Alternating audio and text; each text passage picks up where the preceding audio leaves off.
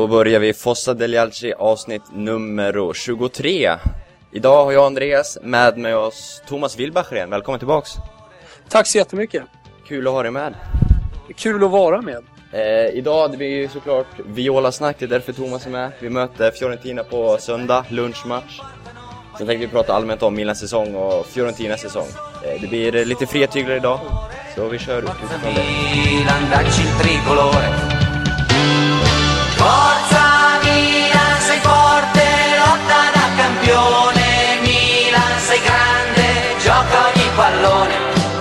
E la domenica puoi farti rispettare. Ci siamo noi allo stadio per gridare. Milan, sei forte. För ett antal månader sedan var du med tidigare Thomas, avsnitt Yes. nummer 10 om jag minns rätt. Eh, I det avsnittet pratade vi mycket om Milan. Milan låg i botten då, eller långt ner i alla fall. Och du eh, trodde och förutspådde att Milan skulle gå starkt framåt, vilket vi också har gjort nu. Tredjeplatsen är vår för tillfället. Det, man får ge dig lite cred där, du hade rätt. Ja, exakt. Men jag, jag tycker själv att jag inte var inne på någon eh, liksom spektakulär analys. Men om man kollade hur, hur andra tyckte och tänkte så var det väl nästan så att folk snarare såg Milan åka ner i Serie B än eh, att de skulle gå uppåt i tabellen. Man glömmer ibland bort liksom att, eh, till exempel i det läget vi var i då, eh, att det, skulle komma en januari-mercato. Vi visste att Galliano, Galliani under sommaren eh, sökte liksom en topplayer men att han inte hittade läget och att det då skulle komma möjligheter i januari. Så det fann, ja, jag tycker det fanns så himla mycket. Det fanns en, en grundkvalitet i, i Milans lag som var så mycket bättre än, än där, de, där de låg just då. Och speciellt med tanke på Speciellt med tanke på eh, hur konkurrensen ser ut i Serie A just nu också. Och då. Nej, men eh, det var ju kul eh, för er att, att det har gått bra. Ja, absolut. Det går ju bra för er också. Vi kollade sist vi spelade in så låg ni även då på fjärdeplatsen. Ni ligger kvar där. Det är, Ja, kanske, li- det är kanske lite förvånande. Det var ju under en period som Fiorentina faktiskt var med lite, lite, lite grann eh, i Scudetto-pratet. När det Mm. gick förbannat bra och vi var inte så långt ifrån Juventus. Nej, nej. Men eh, då, ja, det var ju bara drömmar såklart. Då fattar man ju att det bara skulle komma en tid förr eller senare som, eh, som var negativ. Och den har ju kommit. Den Men, eh, men trots negativa perioden ni haft nu så ligger ni fortfarande fyra. Ja. Hur länge tror du det håller? Kommer ni lägga kvar där efter 8-10 matcher till? Jag tror det. Eh, Fiorentina har ett så pass bra grundspel nu att eh, varje, förutom den negativa perioden, som jag faktiskt tycker att Fiorentina spelar väldigt bra i och man förtjänade betydligt fler poäng än man faktiskt tog. Så har man, man, man har egentligen inte haft någon stor, rent spelmässigt, dipp under hela säsongen utan man är ganska stabila. Och återigen då, hur ser konkurrensen ut med, med de andra lagen som är med och krigar. Då tycker jag att Fiorentina står sig ganska starkt kvalitetsmässigt. Och även om man fick Jovetic out här nu ett par veckor så är inte riktigt det som är problemet.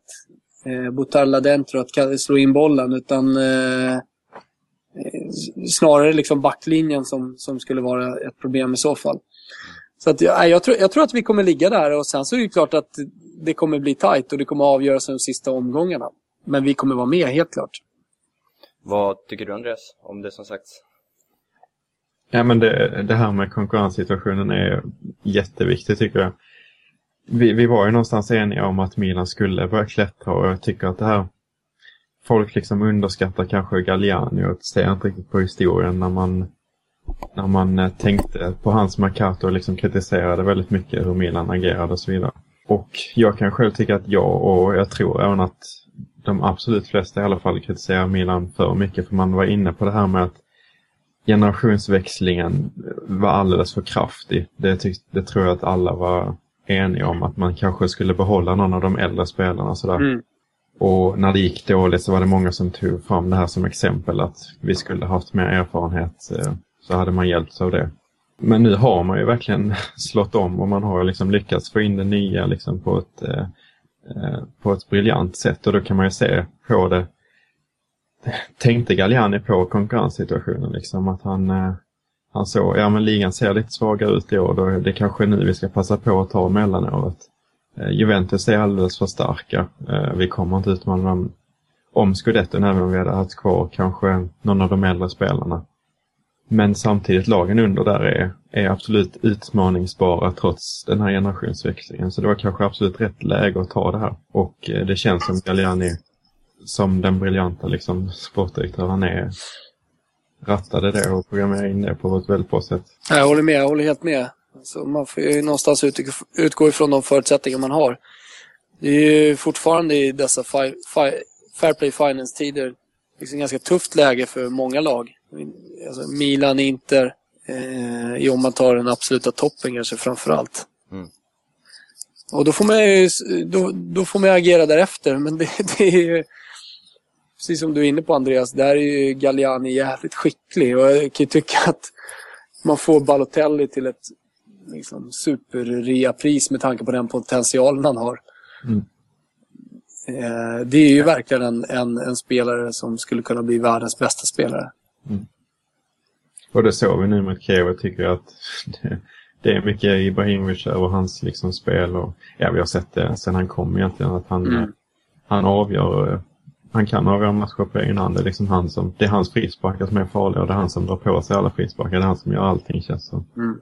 Även om jag också var imponerad. Känns det inte, känns det inte som att eh, hans absoluta styrka nästan, han har ju många styrkor, men det som kanske gör honom eh, ännu bättre än, än Ibrahimovic, också med tanke på hans ålder och vad, vad, vad han är nu och vad Ibrahimovic var då, är hans eh, skott.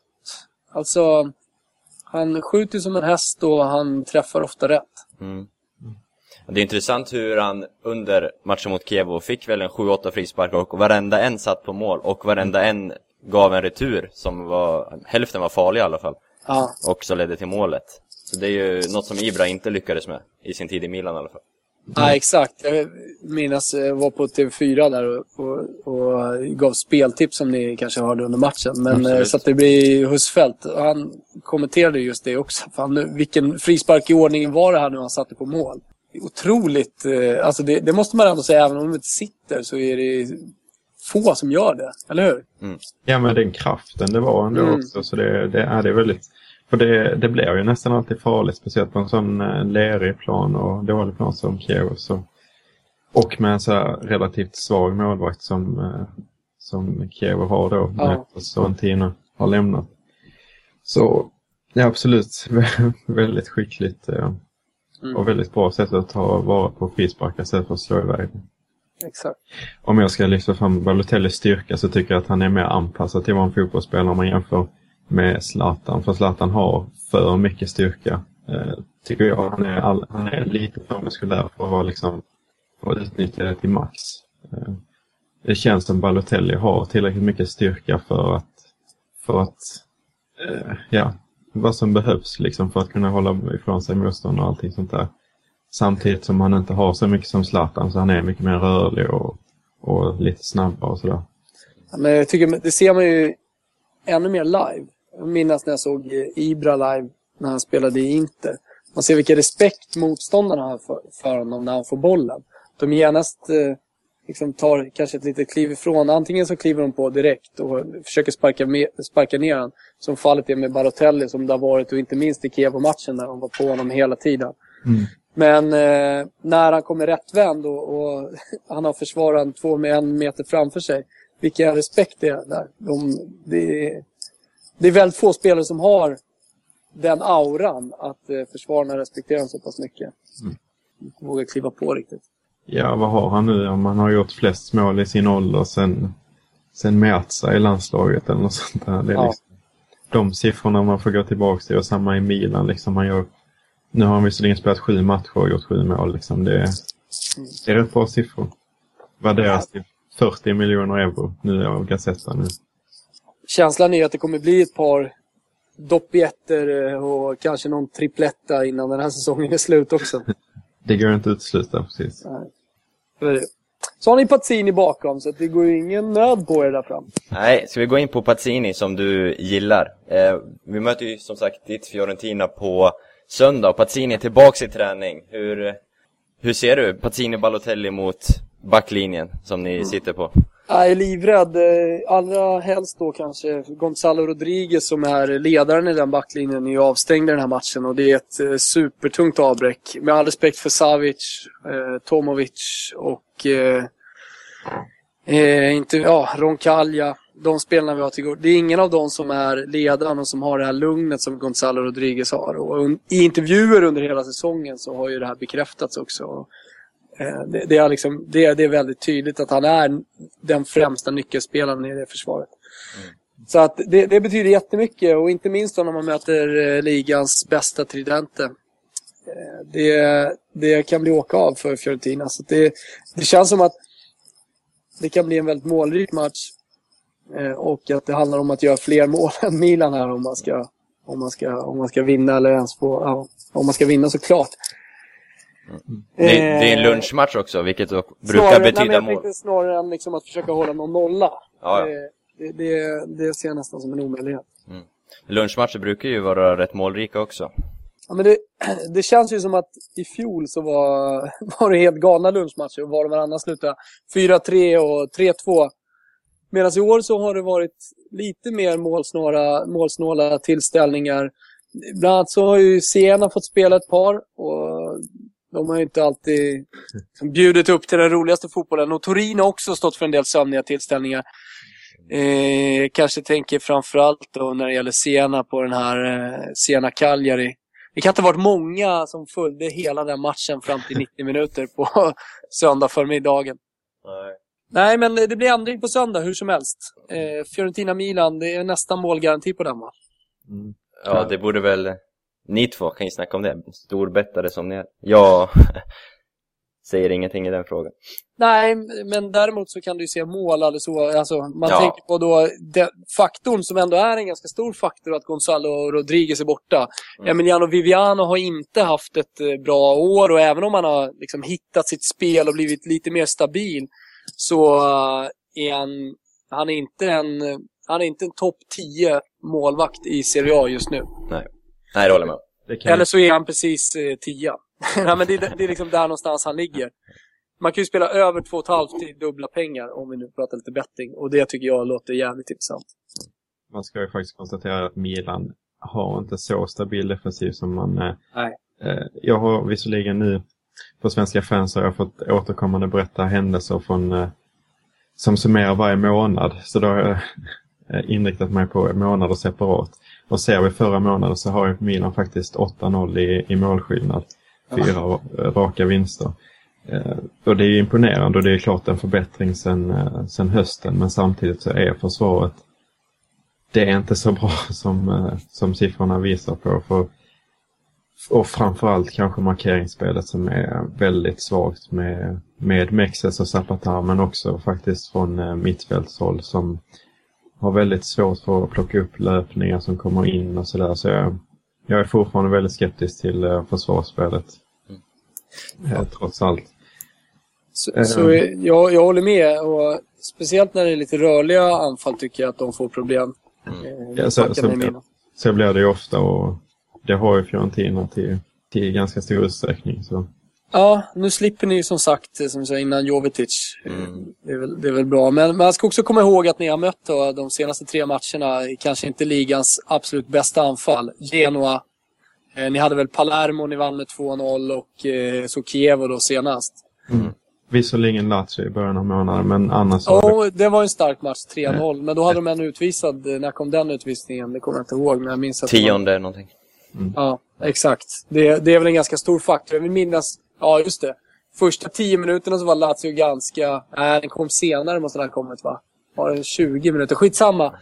Eh, det- Lazio var, jag tycker Lazio gjorde en ganska fröjdfull öppning. Det kändes som att det skulle bli en öppen match. Jag tror till och med jag spelade över live där i början för jag tyckte att det var... Ja, det kändes som att det, det kunde bli en öppen matchbild. Sen så ändrade ju... Eh, ja, utvisningen såklart ändrade ju på allt. Så att då har ni den, ni har eh, Palermo, ni har eh, Kievo. Det måste man ändå väga in i, i de nollorna. Eller hur? Absolut. Vi, det blir lite mer, sätts på prov nu när vi möter Fiorentina, Napoli, Juve.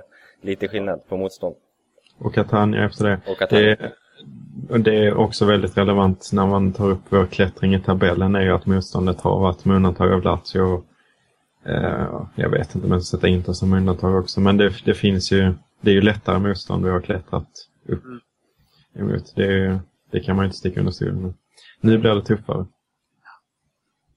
Ja, men, eh, men är inte, eh, det känns som att eh, Zapatas vinter ändå har varit eh, viktig ändå för försvarsspelet. För alldeles oavsett om, vi sitter, om jag sitter och raljerar över att ni bara mött Kiev och Palermo. Jag skulle ju kunna vända på det och säga att Kiev och Paloski och Mm. eh, Teora, te, Teora eh, har varit jäkligt bra under året. Och det, det är absolut inget...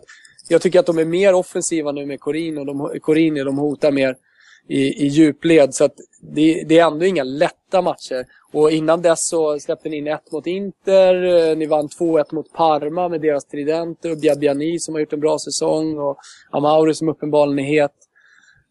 2-0 mot Barcelona. 2-0 hemma mot Barcelona inte minst. Du ser. Ja, att, och där, där har väl Zapata ändå gjort, alltså bidragit ganska starkt till hans vinter. absolut, det har, det har ju varit. Det är ju de här som vi har återkommit till ganska ofta med hans koncentrationstappningar och sådär. Och sen så, sen så är de inte så bra i markeringsspelet som man hade önskat. Men, men det, eh, visst eh, har han, eh, har han höjt sig sen, sen tiden i Spanien till exempel. Ja. det är mycket som pekar på att han missar matchen mot Fiorentina. Tyvärr. Mex, Ja. Eller Bonera Mexes i mitten. Ja. Ja, det får vi hoppas på. Eller jag hoppas på det. det är, Mm. Bon- Bonera är i och för sig liksom stabil på något sätt. Det Det blir, ser ut som att Fiorentina spelar fyrbackslinje förresten, glömde jag bort. Nu när de har Gonzalo Rodriguez out. Och det tror jag är ganska bra. Då flyttar man ner Pascual på vänsterbacken och så kör man Roncalio högerback. Mm. Och Tomovic Savic centralt. Det tror jag sk- skulle kunna vara bra för Fiorentina. Däremot tridenten där med Quadrado. Har ju löjlig säsong bakom sig även om han inte gjort så mycket mål. Men han skapar mycket. Eh, Jajic och sen då fyrtornet Tony i mitten. Mm. Borja Valero tillbaka. Han saknas ju enormt mycket borta mot Cagliari. Eh, frågan om inte han, Borja Valero, är, mer, alltså är viktigare än vad Jovetic är just nu för Fiorentina faktiskt. av det jag personligen har sett så skulle jag definitivt sätta Valero först. Ja. Vilken Nej, det säsong måste han har man gjort. göra, annars är man dum i huvudet. Ja. Ja, det är en otrolig säsong han har gjort och han har ju verkligen blivit omfamnad av fansen direkt. Ja, ja men han, är, han har blivit omfamnad av fansen. Och Eh, dels självklart för att han har varit bra liksom, på fotbollsplanen. Eh, det är ju någonstans grundförutsättningarna. Men sen om man ska bli, verkligen bli älskad. Då är det lite så här, vad är han för, vad är han för människa vid sidan av planen? Visar sig att Borja Valero är väldigt konstintresserad och då hamnar han i Florens som eh, har ganska många konstskatter. Och så twittrar han och är väldigt öppen och gör intervjuer med lokalpressen och så. Eh, och han är ju alltid runt på museum och han eh, tar bilder med sin fru och sin son vid Ponte Vecchio på kvällarna. Han har lärt sin son att sjunga Lino della Fiorentina. Kan ni den förresten? Maglia viola lotta con vigore per esse di Firenze vante gloria. Ja, den får ni höra på söndag om inte annat. Eh, den har hans son då lärt sig sjunga på perfekt italienska och det finns eh, liksom YouTube-klipp på det. Och så så att då, då blir man ju älskad av fansen. Mm. Då har han väl fan snart närmare sju i snitt i, i betyg. Det är helt otroligt. Inte ens i närheten i spanska landslaget. Milan, Milan, corre va, più nessuno ti fermerà. Milan, Milan, mondo intero può conquistar. Jag tycker det är intressant det här med att de ska flytta från trebackslinje till fyrbackslinje. För jag har varit inne på det lite tidigare och jag vet inte om jag har någon liksom bevis för det. Men min känsla är absolut att Milan klarar sig betydligt sämre mot trebackslinje. Okej. Och framförallt då anfallsvapnet El Shaarawy de Chilio Mm. på vänsterkanten som har lyckats betydligt bättre. Eh, självklart när de har mött en, eh, en högerback som inte är så, så liksom defensivt eh, kapabel som Nagatomo eller som eh. Oh, vad heter han i Lazio? Eh, Han, eh, han spelar bara en match eller sådär. Ja, eh, skitsamma. Väldigt eh, virrig högerback eh, hade de då. Eh, och då lyckas man mycket bättre. Överlappningarna mellan de här två 92orna funkar väldigt, väldigt bra. Och eh, det kommer liksom mycket farligheter. Men sen så när typ Sanetti gick över till exempel i derbyt eller när Lazio gick över på trevaktslinje så funkar det inte alls på samma sätt. Så min personliga det, det är liksom bara en snabb reflektion. Jag har inte riktigt underlag för det, men jag har känslan av att trevaktslinje är ett bättre vapen för att stoppa tridenterna, framförallt El Sharawi, på en fyrvägslinje. Nu mm. har jag spelat med Cavanda lite där ett tag. Eh, Frågan om jag spelade mot er. Peire Ring. Jag Peire spelade. Ring. Ring, Ringa var det. Ja. Eh, ja. Cavanda är väl eh, får i rosa. Det är inte han som är satt utanför truppen. Utan Lazio-övning. Lite, Lotito-övning kanske man säger. lite Sirius på. Men ja, jag tycker det är intressant. För att just den aspekten känns det som det passar Milan bättre. Mm. Annars känns Viola som ett lag som passar Milan ganska dåligt. Och jag tycker att ehm, ett exempel på det är ju, eller att Emil Frankrike i sig passar Milan ganska dåligt, speciellt kvällsmatcher. Så då är jag glad att, att vi får spela på förmiddagen istället. Mm, vi har inte förlorat än. Jag tror inte vi har tappat poäng ens på lunchmatcherna hittills i år. Jag ska se upp. Ja. Nej, men eh, alltså, det är jätteintressant du säger. Det blir ju en väldigt spännande match i matchen mellan Roncaglia och El Sharawi. Och då, om Roncaglia då kommer ifrån den matchen utan gult kort, då är jag väldigt förvånad. det lutar väl snarare åt eh, orange. Han, eh, ja. Men dä- däremot så är det ju, det, om man nu ska sätta någon mot El Sharawi med hans snabbhet, då är egentligen det enda vapnet som Fiorentina har att sätta där, det är Roncaglia, för han är den snabbaste av alla de eh, backarna vi har egentligen. Det är förresten relevant som, eh, eller intressant, att El Sharawi är ett gult från avstängning som kanske inte har eh, specifikt med det att göra men eh, vi har ju ett par heta matcher i rad nu och El Sharawi drar på sig gula kort då och då när han, när han tar defensiva liksom löp och drar på sig någon frispark och sådär.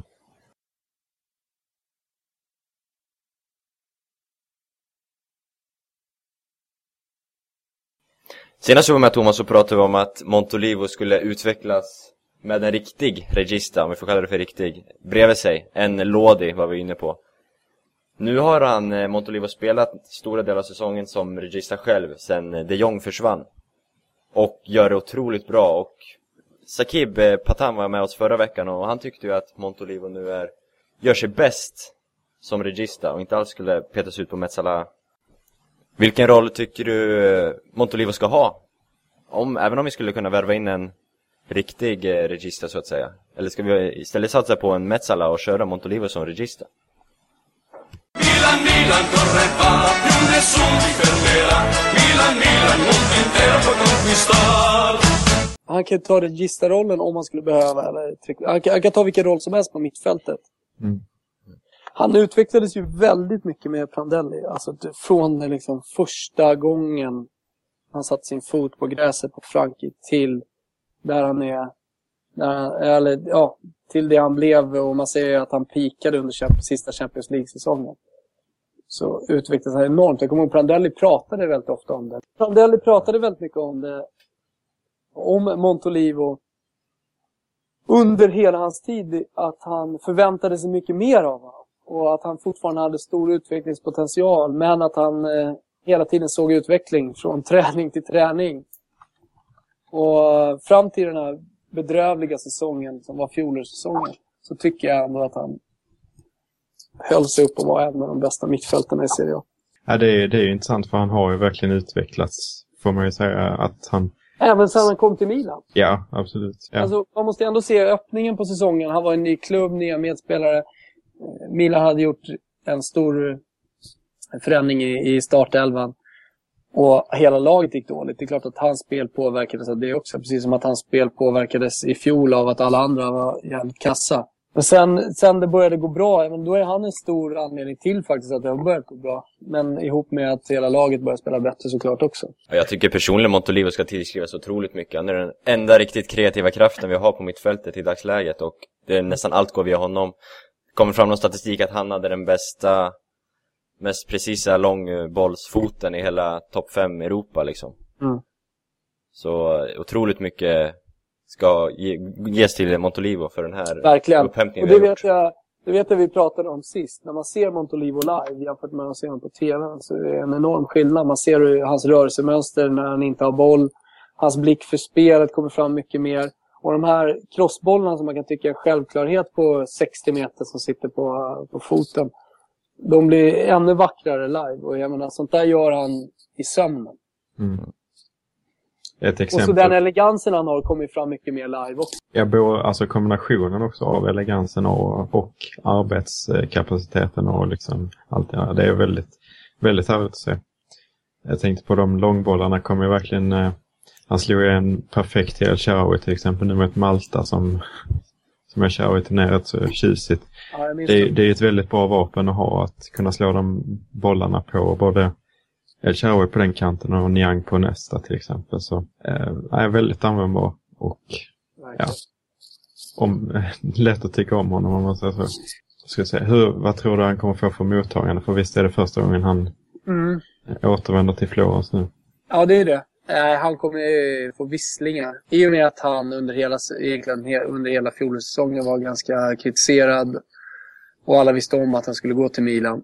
Så eh, kan man säga att den här matchen och det mottagandet som man kommer få nu har liksom trappats upp under hela fjolårssäsongen. Och så nu kommer man då få chans från kurvan att verkligen bua utan och jag tror till och med det kommer komma en och annan Rican- Ricardo Montolivo, La Maiara di Tomás som man gillar att sjunga. El Becco di Topa, den kan jag tänka mig kommer köras. Ja. Nej, det, det blir, blir visst det. Annat däremot med Pazzini som fortfarande... Han är ju dessutom Viola Tifoso. Eh, Hans pappa var stor Viola Tifoso. Han har väl riktigt, aldrig riktigt outat det, men familjen kommer ju från, som ni vet, eh, Montecatini Terme. Strax väster om Florens. Och eh, där kan, är man antingen Juventino eller så är man Fiorentino. Och hans familj är super Fiorentino och har alltid gått på fotboll och gått på Frankie. Och han själv också gjort det som liten såklart också. Så att, eh, av den anledningen så ses han ju som, eh, som en av oss, skulle man vilja säga. Sen plus att det var inte så att han gick medvetet. Montolivo valde ju att gå. Mm. Han blev ju såld. Såklart en faktor i det. Ehm, det är ju väldigt svårt att sticka igenom Pazzini. Uh, alltså han är ju en spelare som liksom ställer upp för laget och jobbar hårt och sådär. Det känns som även liksom interister, jag tror inte att de har så mycket emot honom. Nej. Eh, även när han gick till Milan liksom. Det, Nej, allra helst eftersom de var så nöjda med det. Ja. Verkar fortfarande vara så nöjda med det. Med, den, med det bytet, höll jag på att säga. Med pengar också. mm. Nej, det, det är intressant att det kommer upp. Pazzini är leverera rätt så bra. Det är också svårt. Alltså, jag skulle säga att båda vinner i den affären, om vi bara tar det väldigt kort. Mm. För att, eh, det är inte så att Casano har varit dålig, han har ju varit bra. Han står ju, om vi pratar om Montolivo står för mycket kreat- kreativitet på mittfältet. Så står ju Montolivo, eller Casano för väldigt stor del, jag tänkte dra till med några procentsats här, men jag håller mig på det. Han står för en väldigt stor del av kre- kreativiteten i anfallsspelet när bollen hamnar på den sista tredjedelen i Inter. Och han har ändå gjort ganska mycket poäng och en hel del mål, även om Pazzini har gjort flera. Så, så, och pengarna är såklart också en faktor. Alltså det, det är ju klart, vi var ju inne på att ganska tidigt att det är en fördel för båda klubbarna. Alltså båda tar nytta av det. Sen så var jag ju inne på att man skulle vänta eh, i alla fall till slutet av säsongen eller ett par säsonger innan man, innan man bestämmer fördel eller, eller nackdel i affären. För att jag tror att Casano kommer lämna redan till, eh, till sommaren. Eller i alla fall, han kommer snart lämna för han, han håller på att stöka. Och, Mm. Alltså folk snackar om hans Interhjärta men man ska komma ihåg att när, när han gjorde mål på Inter i derbyt så firade han ganska besinningslöst trots att det var mål på ett straff, liksom 3-0 målet och sådär. Och eh, när Milan var skudetten så var det han som hela tiden ville köra Kinon Salta-ramsor och Mm. han var, ja, jag är skeptisk till hans Interhjärta så. Eh, Och jag tror inte att det är så stor Ja, men han använde ju det till sin fördel för att få fansen med sig. Det är Mm. såklart. Att han håller med där är ju klart. Det känns som att han kommer inte stanna i Inter i en livstid. Men då kan de fortfarande ha sina pengar som de fick på Pazzini och kanske få någonting för Casano sen. Och så kan fortfarande nöjda med, med affären. De använder ju Jag, måste, Eller- jag ska bara säga, jag måste också komma ihåg att grunden till att den affären överhuvudtaget blev av var ju för att Casano inte ville vara kvar i Milan. Ja. Så att det, det var ju en, för- för Milan handlar det om att, att få så mycket som möjligt för honom, höll på att säga, nu fick man ju betala, men göra en så bra affär som möjligt med honom. Och då ska man inte heller glömma bort att han hade sina hjärtproblem under säsongen också. Eller Nej? Milan hade ju menar, inget... det, är inte så, det är ingen grej som höjer värdet på Cassandra. Nej. Nej, och inte fortsatt. Alltså han är ju fortfarande ett eh, liksom osäkert kort på grund av de här hjärtproblemen. Såklart. Eh, Kommer alltid vara. och han är ett par år äldre än, eh, än liksom Pazzini. Ja. Och har haft den karriär han har haft när kanske Pazzini har levt lite hälsosammare. Eh, så, så visst, det är det, och det är det jag menar med att man kanske ska vänta ett par år innan man, eh, innan man fullt kan bestämma om det var en bra eller dålig affär. Eh, men visst, de fick 7,5 miljoner och eh, använde i alla fall det till att delvis finansiera eh, vet du Pereira. Så, så kan man också uttrycka det. Vi var ju inne på det när, när Hamilton gästade att inte Inter sköts kanske inte fullt så professionellt som Milan gör på värvningsfronten och på alla andra fronter egentligen. Nej, framförallt så har de ju en, en resa att göra. Alltså, om vi pratar rent fotbollsekonomiskt så har de en ganska stor resa att göra. Det presenterades ju siffror här för inte så länge sedan. Det ser inte jätteljust ut för, för Inter och framförallt så är det inga siffror som talar för en spektakulär värvningssommar. Om det nu är det de behöver. Jag tror att det är snarare att de behöver en coach som kan jobba med det material de har och sen så kommer de kunna få in vissa komponenter. Du kommer in och börjar prata om Inter. Mm. Men, men, men jag menar, de har ändå en, en målvakt som kommer hålla flera år till på ganska hög nivå. De har en backlinje som kommer hålla stommen, om man får se den unga stommen med Ranocchia och med Juan Jesus. Kommer Mm. hålla ganska lång tid. Eh, och ett mittfält ändå som känns intressant. Eh, Kovacic. Jag vet inte hur lång tid kan Bias ha kvar, men det är ändå en klassspelare. Om man får vara på planen. Efter, efter sådana tacklingar. Exakt. Ja, Ja, nej. det om Inter. Nu kan vi väl... Eh, Och ska vi koppla in det lite kort? Julio Cesar har ryktats Mm. idag och igår framförallt. Corriere della Sera va? Mm. skrev att han är nära Milan till sommaren. Det är ett intressant ur Milan-ögon. Två, yngre, två, tre år yngre än Abiati. Och enligt Andreas Premier Leagues bästa målis. Eller hur? Det tycker jag absolut. Sen så är jag kanske lite färgad i och med att Julio Cesar är en väldigt stor eh, favoritspelare. Eller väldigt stor ska jag inte säga, men jag har alltid eh, varit svag för honom. Liksom cyklar till träningarna och liksom ger ett allmänt sympatiskt intryck. Eh, och en väldigt, väldigt bra målvakt. Så jag hade inte tackat nej så. Sen så har jag ganska svårt att säga att han skulle komma till, till Milan. Men om valet är att spela i Championship så kanske, kanske han väljer rödsvart ändå. Klart är att ni behöver göra någonting där i sommar i alla fall. Eh, Sen om det blir Julio Cesar eller inte. Jag tycker också såklart att han är en fantastisk målvakt och har gjort en jättebra säsong. Skulle kunna gå ner några kilon extra och bli ännu bättre till nästa år. Eh, Känns ju ändå lite plufsig. Sen så, eh, det är ju ingen ålder på en häst. Han är född 79, precis som mig. Vi är fortfarande unga, vi är 79. Ständigt unga. Fan, jag, jag är nog ett par veckor äldre än honom. Men eh, annars tycker jag Consiglio är någonting som man borde kolla på. Jag vet att Napoli är intresserade också. Men där har, där har man en mål för framtiden. Jag har sagt det förut och, och håller det fortfarande att eh, om man ska välja mellan Consiglio och andra unga målvakter så till exempel Mattia eh, Perin i Pescara har fortfarande väldigt, väldigt mycket att bevisa. Nu har han blivit till och med petad i Pescara några matcher. Tycker att han har en fantastisk linjespelare. Man brister jättemycket i utrustningar, eh, i luftspelet och positionsspelet generellt sett. Och Han det, är, det, är så, det är ju precis det är sånt man inte får missa när man spelar en stor, så stor klubb som i Milan. Han blev ju lite hasad där när han, eh, upphasad menar du, när han, eh, det var mot Fiorentina ju förresten. Ja, han gjorde jättebra. också. Eh, gjorde fler räddningar än någon annan målvakt gjort de senaste typ 6-7 åren i alla europeiska ligor. Och sånt Det var en helt sjuk match. Eh, Det var under den perioden när Fiorentina hade sin svacka och då mosade man och borde ha vunnit den med ja, hur många mål som helst, höll jag på att säga. Men du, du sa det ju precis själv. Ja.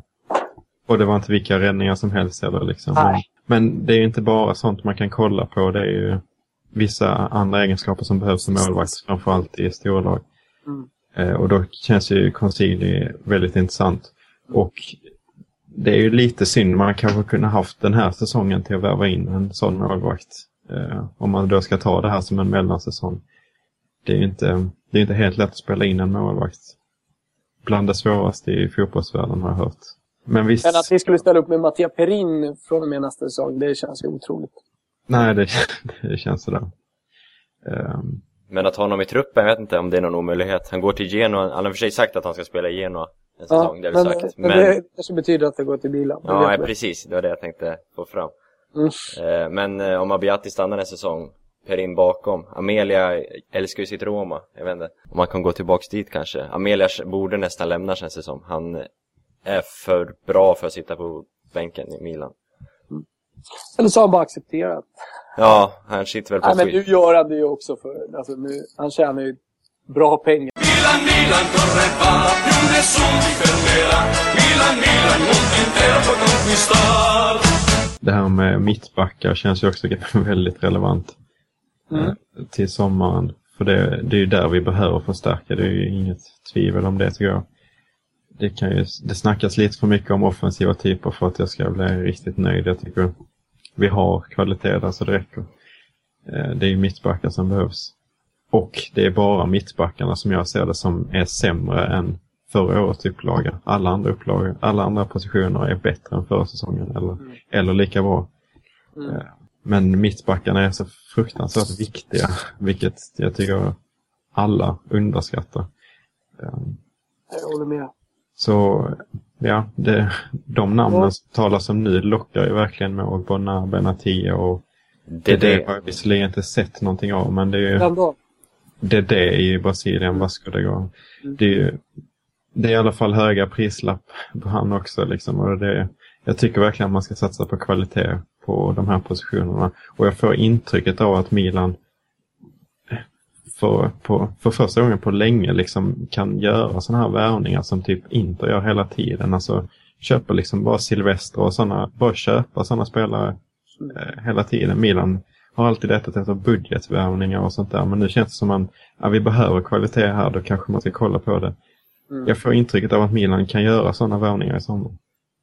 Jag också. Och så också känns det som att man har lite momentum nu. Om, om eh, de har haft det några år där man inte har gjort så mycket. Och där man hela tiden har letat efter lån och budgetvärvningar.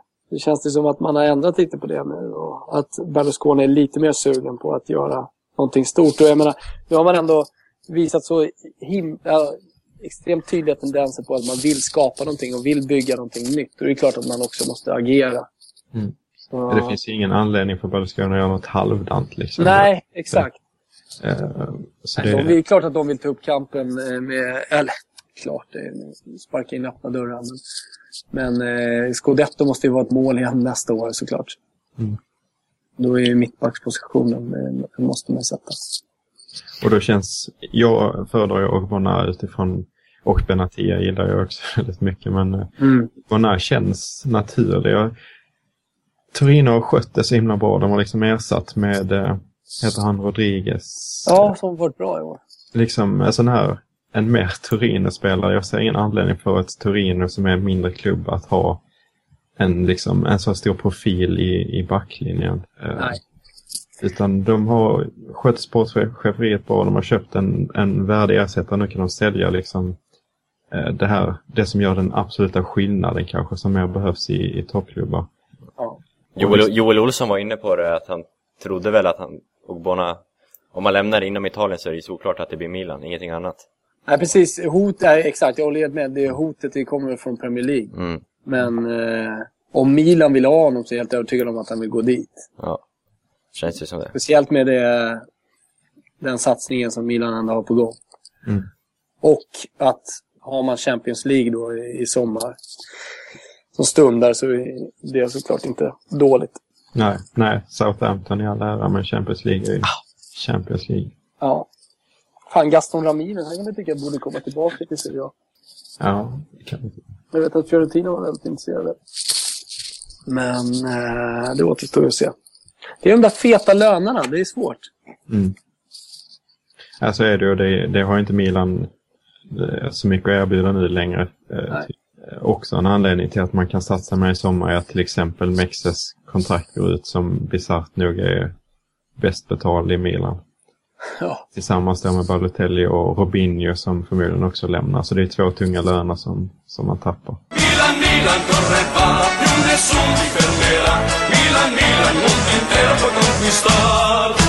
Då var Fossa del Arci avsnitt 23 slut för idag. Gillar du det? Lämna en kommentar på Svenska fans. Eller prenumerera på iTunes. Tusen tack till dig Thomas som ville vara med oss idag igen. Tack så jättemycket. Hoppas jag får vara med igen i framtiden. Det får du definitivt. Och jag tycker att ni ska titta in Thomas på Sportexpressen, eller varför inte på när han är med på TV4 nu i bettingtips via Fotboll United. Redan på söndag faktiskt kan jag flika in inför Fiorentina-Milan så kommer jag lämna speltips. Stort. Jag har ju redan hintat om var, vartåt det kommer, var, vart pengarna kommer läggas, vilken sida. Mhm. Ja, Andreas, tack till dig också som vanligt. Tack, tack. Eh, nästa gång, ja, vi har lite stora planer här på Fossa del Alci. Vi reser ner till Milano snart och det blir väl minst ett avsnitt nerifrån eh, Milano eller Bergamo möjligtvis. Men det återstår att se i framtiden. Tills dess, söndag 12.30, Milan, eller Fiorentina-Milan. Ciao! Ciao!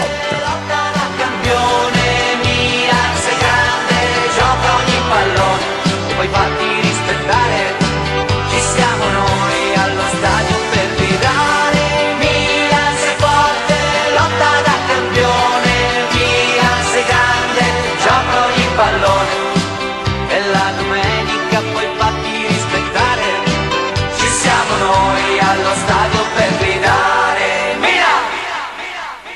äter nog mascarpone på sista Ja, det är faktiskt lite dåligt med det, måste jag säga. Äter man inte lite, alltså man äter väl inte så mycket mascarpone utan man använder väl det mest.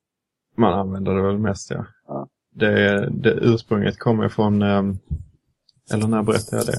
Ja, just det, det var eh, när jag var på ICAC, det var inte du med. Nej, det var en pizza jag åt.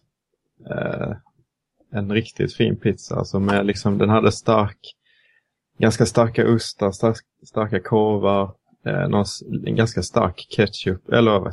Ketchup, tomatsås liksom. Eh, men för att kompensera detta då så hade man ju visserligen mozzarella-klickar som vanligt, men på mitten så hade man en klick mascarpone.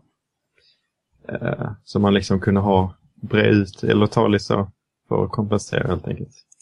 Jävla fint var det. Fan, det låter ju jävligt gött. Fan, hungrig jag blev. Käka någon middag. Det var i Göteborg, skumt nog. Det var någon, Mm, någon italienare som körde det var oväntat.